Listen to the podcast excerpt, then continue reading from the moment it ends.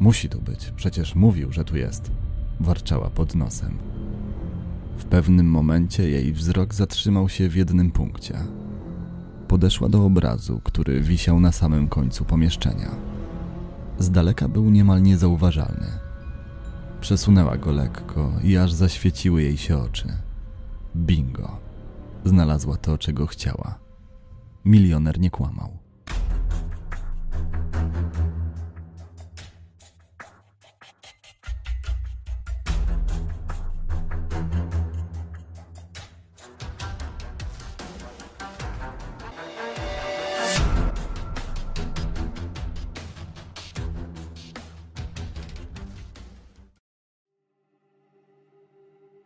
Choć mówi się, że pieniądze szczęścia nie dają, bogactwo wciąż jest cichym marzeniem wielu z nas.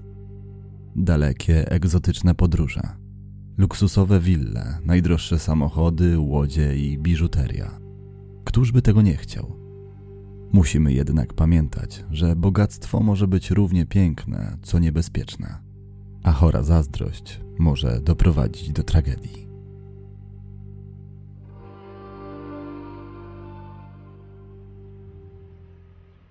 Mykonos. Piękna grecka wyspa na Morzu Egejskim, należąca do archipelagu Cyklady. Przez wzgląd na silne podmuchy zwana jest Wyspą Wiatrów, a XVI-wieczne wiatraki, które dumnie strzegą jej granic, do dziś są jedną z popularniejszych atrakcji. Mykonos przyciąga oryginalną architekturą, błękitnym morzem, bezchmurnym niebem i złocistymi plażami – pozwala się zrelaksować i zażyć nocnego życia. Jest miejscem znanym i lubianym, a także dość ekskluzywnym. To właśnie tu, na Mykonos, w niewielkim miasteczku Ornos, słynącym z pięknych plaż i szkoły do surfowania, urodził się Dmitris, zwany Mimisem. Pochodził z szanowanej, dość zamożnej rodziny. Miał dwoje rodzeństwa, a jego dzieciństwo było raczej szczęśliwe – już od najmłodszych lat wykazywał smykałkę do interesu. Spieniężał stare rzeczy, a te kupione gdzieś przypadkiem za bezcen sprzedawał z zyskiem. Na każdym kroku widział sposobność do zarobku. Biznes był jego pasją, dlatego bardzo dużo na jego temat czytał.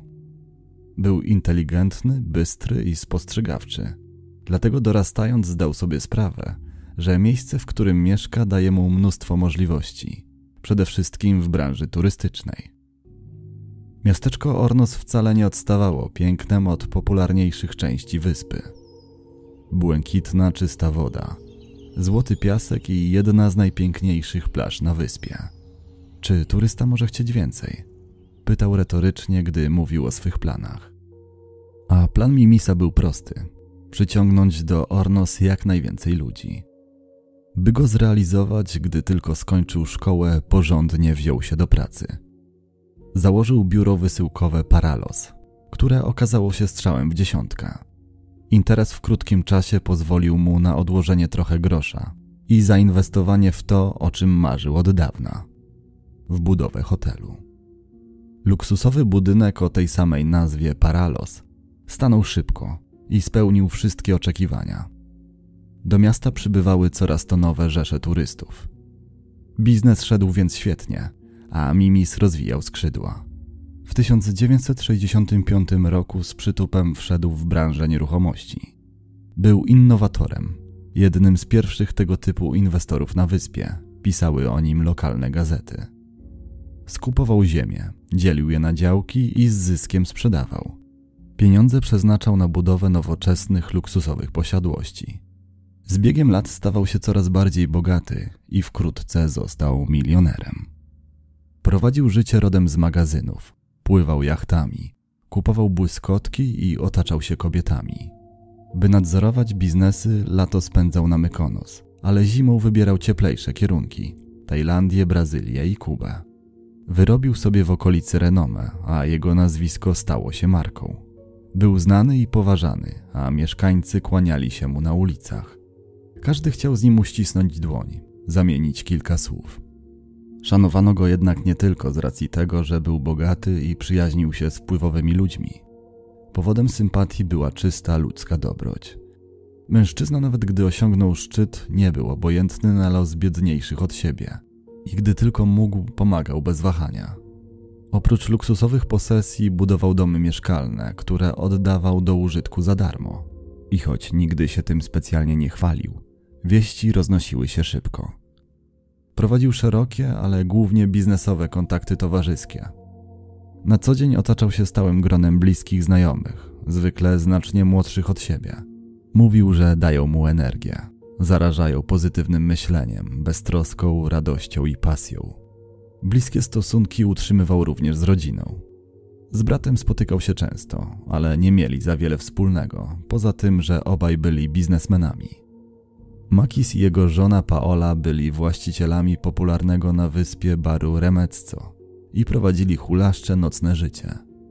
Mimis był inny, wycofany, cichy i spokojny. Od imprez wolał domowe zacisze, od ekstremalnych sportów spacery. Znacznie więcej łączyło go z siostrą. Aliki była wdową, wychowywała samotnie córkę. Do tego miała złamane serce. Potrzebowała go. Mimis bardzo jej współczuł, dlatego robił wszystko, by choć odrobinę ulżyć jej w bólu, odciągnąć jej myśli od bolesnych wspomnień. Był pracowity, przyjacielski i jak sądzę, nigdy nie miał wrogów, mówił jego brat. Jednak podobnie jak każdy, i Mimis miał swoje słabości. Uwielbiał piękne i młode kobiety. I choć bywało, że zmieniał je jak przysłowiowe rękawiczki, od trzech lat jego serce było zajęte. Należało do blond włosej, długonogiej Małgorzaty, Polki na stałe mieszkającej w Atenach. 28-latka przyjechała na Mykonos w 2004 roku, by dorobić sobie jako sprzątaczka w jednym z hoteli. Szybko jednak zdała sobie sprawę, że znacznie większe zyski przyniesie jej praca w klubie. Zatrudniła się więc jako tancerka w popularnym Space Mykonos. Mimisa, wówczas 70-letniego, poznała w 2007 roku. Wypatrzyła go pierwsza. Zorientowała się, że siedzi przy barze sami i postanowiła mu potowarzyszyć. Wiedziała na jego temat co nieco. Nie przeszkadzało jej, że był znacznie starszy. Słyszała o nim same dobre rzeczy. Że był miły, dobry, pomagał potrzebującym. A poza tym był milionerem. Miał przepiękną willę, o której mówiło się na całej wyspie. Ekskluzywne samochody, które pasowały kolorystycznie do jego strojów. Kilka razy w roku latał do ciepłych krajów. Imponowało jej to. Od zawsze chciała prowadzić takie życie. Cześć, jestem Margarita. Przedstawiła się i uśmiechnęła zalotnie. Po imprezie umówili się na randkę, a później zaczął się romans. Mimis był Margaritą głęboko zauroczony, ale zupełnie nie akceptował jej stylu życia. Pewnego dnia postawił warunek. Jeśli Margarita chce się z nim związać, ma rzucić pracę, która nie przystoi szanującej się kobiecie. O pieniądze może się nie martwić, bo on pomoże jej się utrzymać. Dziewczyna nie miała z tym ultimatum żadnego problemu. Powiedziała, że i tak nigdy nie chciała pracować jako tancerka. Robiła to wyłącznie po to, żeby się utrzymać. Jeszcze w tym samym roku złożyła wypowiedzenie i oficjalnie została jego dziewczyną. Pojawiała się w Ornos regularnie, a wkrótce przeniosła się do okazałej willi na stałe. Mieszkańcy wyspy już od początku nie darzyli jej zaufaniem. Szczerze lubili Mimisa i życzyli mu jak najlepiej. Dlatego gdy zdali sobie sprawę, że mężczyzna staje się coraz bardziej oddany i zaangażowany, zaczęli się martwić. Plotkowali, że Margaricie źle z oczu patrzy. Szeptali, że wcale go nie kocha. Chodzi jej tylko o pieniądze i luksusowe życie. Co bliżsi znajomi próbowali mu nawet coś zasugerować ale Mimis ich nie słuchał. Puszczał te wszystkie porady i szeptanki mimo uszu. Był zakochany i nie zależało mu na opiniach zazdrośników, którzy uważali, że wiek odejmuje mu męskości. Był przekonany, że przytrafiła mu się prawdziwa miłość, o jakiej zawsze marzył. Byli razem od trzech lat i układało się między nimi doskonale. Jeżeli chodziłoby jej tylko o pieniądze, Pewnie dawno zażądałaby hucznego ślubu, a potem burzliwego rozwodu z podziałem majątku. Życie uczuciowe Mimisa było więc jak ze snu. Gorzej było z życiem zawodowym. W 2010 roku kryzys w Grecji osiągał właśnie swoje apogeum, a Mimis z coraz większym przerażeniem przyglądał się gospodarce państwa. Zaczął na poważnie martwić się o swoje pieniądze w banku. Czuł, że mogą nie być tam bezpieczne. Co jeśli banki zbankrutują, a ja wraz z nimi? Żalił się Margaricie, gdy ta pytała o powód jego smutku. By ustrzec się przed ponurą perspektywą utraty całego majątku, wpadł na pewien pomysł. Ukrył w ścianie swojej willi safe i powoli wybierał majątek z banku. Zgromadził w nim, jak podają różne źródła, półtora lub nawet dwa miliony euro, drogą biżuterię i inne kosztowne przedmioty. Od tego czasu był znacznie spokojniejszy. O dokładnym miejscu ukrycia sejfu nie wiedział nikt, nawet Margarita. Kobieta była lekko poirytowana. Ciekawość nie dawała jej spokoju, dlatego postanowiła znaleźć go na własną rękę. Odnalezienie go nie było wcale takie proste. Był w końcu ukryty. Miał dawać właścicielowi poczucie bezpieczeństwa i zapewnić spokojny sen. Błądziła więc przez jakiś czas po omacku. Musi tu być, przecież mówił, że tu jest, warczała pod nosem. W pewnym momencie jej wzrok zatrzymał się w jednym punkcie. Podeszła do obrazu, który wisiał na samym końcu pomieszczenia. Z daleka był niemal niezauważalny. Przesunęła go lekko i aż zaświeciły jej się oczy. Bingo. Znalazła to, czego chciała. Milioner nie kłamał. Na początku października zakomunikowała Mimisowi, że wyjeżdża. Chce pojechać na kilka dni do Polski, by odwiedzić dawno niewidzianych bliskich i przyjaciół. Jeszcze tego samego dnia spakowała najpotrzebniejsze rzeczy i opuściła mieszkanie. Mimis został w willi sam. 5 października wyszedł na spotkanie z Caroline, malarką o grecko-amerykańskich korzeniach, by omówić z nią zakup obrazów. O 12 spotkali się w kawiarni Gialos, gdzie stołował się również Makis. Zanim wyszedł, podszedł do brata, by wymienić z nim kilka słów. Po spotkaniu z artystką Mimis pojechał do supermarketu na szybkie zakupy, a następnie zaczął jechać w kierunku domu. Choć było dopiero późne popołudnie, był zmęczony i chciał jak najszybciej położyć się spać. Prowadzenie biznesów było wyczerpującym zajęciem, ale on to lubił. Gdy był już w samochodzie, zadzwoniła do niego Margarita. Zapytała, jak się ma, gdzie jest i że cała i zdrowa dotarła do Polski. Powiedział jej, że właśnie dojeżdża do domu. Po kilkunastu minutach był już na miejscu. Otworzył bramę, wysiadł z samochodu i żwawym krokiem ruszył w kierunku posiadłości. Przeszedł już przez podwórko i otworzył drzwi do domu, gdy coś usłyszał. Szelest, a następnie niepokojący dźwięk, przypominający kroki. Zatrzymał się na moment, by sprawdzić skąd dobiega. Mimowolnie odwrócił głowę. Zdał sobie wtedy sprawę, że jest otoczony. Dwie postacie w ciemnych kapturach patrzyły na niego wyczekująco. Jedna z nich trzymała w ręku młotek. Gdzie trzymasz pieniądze? Podaj kod do sejfu. Mów natychmiast, powiedział mężczyzna w kapturze, zbliżając się do niego coraz bardziej. Mimis był tak przerażony, że w pierwszej chwili nie był w stanie się ruszyć, ale gdy zdał sobie sprawę, co właśnie się dzieje, nie zamierzał poddać się bez walki. Nie zamierzał nic mówić. Nie po to przecież latami gromadził majątek. Nie tak wyobrażał sobie przyszłość. Próbował uciec, ale go dopadli. Był zbyt słaby i zbyt zaskoczony, by wygrać. Wciągnęli go do środka. W obawie o swoje zdrowie powiedział, gdzie jest safe, ale nie chciał podać zabezpieczającego kodu. Był przy tym twardy i zawzięty, a to tylko rozjuszyło sprawców. Milczący Mimis był bezużyteczny, więc postanowili się go pozbyć. Po wszystkim wyjęli kasety z kamer monitoringu, by nie pozostawić po sobie żadnych śladów. Pośpiesznie zabrali z domu zamknięty safe, laptop i telefon komórkowy. Zadzwonili do trzeciego wspólnika, by podjechał. Wszyscy troje wpakowali przedmioty do auta i uciekli. 6 października, środa, Ornos, willa Mimisa. Przedłużający się brak kontaktu z Mimisem zaniepokoił jego brata Makisa. Mężczyzna nie był może zbyt wylewny i nie dzwonił do niego codziennie, ale już drugi dzień miał wyłączony telefon, a to nie pasowało do jego charakteru. Był przecież biznesmenem, musiał być stale w kontakcie z różnymi ludźmi. Odrzucił myśl o wyjeździe, bo przecież widział go wczoraj i nic o tym nie wspomniał. Makis, jako że był zbyt zajęty i nie mógł zrobić tego sam, poprosił o pomoc syna. Wysłał go do willi, by sprawdzić, czy wszystko z wujkiem w porządku, czy czegoś przypadkiem nie potrzebuje. Chłopak natychmiast ruszył w drogę. Gdy dotarł na miejsce, zaniepokoił się, bo zobaczył, że drzwi do bramy są lekko uchylone. Wszedł do środka.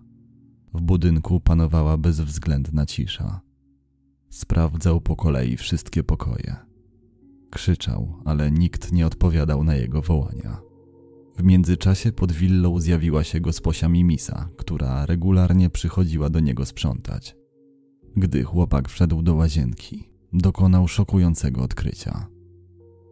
W wannie leżał jego wujek. Nie ruszał się. Natychmiast wezwał na miejsce policję. W mieszkaniu biznesmena nie było żadnych oznak włamania. Był za to bałagan świadczący o zaciętej walce. Zniknęły nagrania z monitoringu, przedmioty osobiste biznesmena, laptop i komórka, a także sekretny safe, o którego istnieniu wiedziała zaledwie garstka osób. Motyw był więc oczywisty. Sprawdzono wszystkie nagrania z kamer monitoringu w całej okolicy w nadziei, że zarejestrowały coś istotnego. Było to świetne posunięcie. Sprawców z pewnością było trzech: dwóch mężczyzn i kobieta. Na nagraniach wyraźnie widać było ich sylwetki. To jak wchodzą na teren willi i wychodzą z niego kilka razy. To jak podjeżdżają pod posiadłość, odjeżdżają, a za jakiś czas wracają że samochód na polskich numerach rejestracyjnych parkują jakieś 30 metrów od willi. Materiał w ekspresowym tempie wysłano do Aten, by zajęli się nim specjaliści. Nie był zbyt dobrej jakości. Twarze były niewyraźne, numery zamazane, a to był przecież klucz do rozwiązania zagadki. Tymczasem do sprawy włączyli się przyjaciele i rodzina Mimisa. Jeden z przyjaciół milionera z Niemiec zatrudnił nawet prywatnego detektywa, by przebadał wszystkie okoliczności zdarzenia. Mężczyzna niemal od samego początku stawiał na Małgorzatę. Rozmawiał na jej temat z bliskimi Mimisa i z jego sąsiadami. Kobieta miała opinię wyłudzaczki, która zadaje się z biznesmenem tylko dla pieniędzy. Poza tym, bardzo dobrze wiedziała o sejfie. Być może nawet zdawała sobie sprawę z tego, gdzie się znajduje – Mieszkała przecież w jego willi. Wspominał jej, że martwi się o bezpieczeństwo swojego majątku w banku, dlatego nie chce go tam trzymać. Miała więc pełną świadomość tego, że w willi znajdują się pieniądze. Bardzo duże pieniądze. Problem polegał jednak na tym, że w chwili zdarzenia nie tylko nie było jej w posiadłości milionera, ale nie było jej nawet w Grecji. Od kilku dni była w Polsce. Teoretycznie miała mocne alibi, ale szybko okazało się, że tylko teoretycznie. Gdy prywatny detektyw uzyskał dostęp do nagrań monitoringu z greckiego portu w Rafinie, zorientował się, że przeczucie co do Małgorzaty wcale go nie myliło. Margarita nie była w Polsce. 5 października była w Rafinie. Nagrały ją kamery, a one przecież nie kłamią. Gdy materiał został opublikowany w mediach, wyszło na jaw, że tego dnia była również na wyspie. Zaledwie kilka godzin po tym, co spotkało milionera, pracownik portu w Mykonos widział ją, jak wsiada na prom do Pireusu. Była zdezorientowana i przestraszona. Towarzyszyło jej dwóch mężczyzn. Wysoki blondyn i brunet, mówił mężczyzna. Gdy wyspę obiegła informacja o tragedii i zobaczyłem zdjęcie Margarity w telewizji, jak najszybciej poinformowałem o wszystkim policję. Małgorzata i jej koledzy uciekali drogą lądową. Tym samym autem, którym wjechali do kraju. Tym samym, które zarejestrował monitoring w sąsiedztwie willi Mimisa. Kamery rozstawione przy drogach i na granicach śledziły więc każdy ich ruch. W jednym z hoteli w Skopie, w stolicy Macedonii, odnaleziono sejf należący do biznesmena. Był otwarty, a sprawcy wyjęli jego zawartość za pomocą wiertła. Wiedząc już, że uciekinierzy kierują się w stronę ojczyzny, grecka policja skontaktowała się z polskimi władzami. Całą trójkę schwytano w Tarnowie. Zaresztowano w listopadzie, a wkrótce przekazano Grekom. W ich polskich mieszkaniach skonfiskowano ogromne sumy euro w gotówce. W sumie jakieś 70 tysięcy, a także taśmy z zapisem monitoringu z willi Mimisa. Ustalono, że za skradzione pieniądze zakupili dwie nieruchomości samochód i sklep. Małgorzata, zwana w Grecji Margaritą, dokładnie tak jak podejrzewali wszyscy wokół, nigdy nie kochała Mimisa. Nie traktowała go poważnie. Liczyło się dla niej tylko dostatnie życie, które jej oferował. To nie był romans, raczej flirt, mówiła policjantom. Dawał mi prezenty.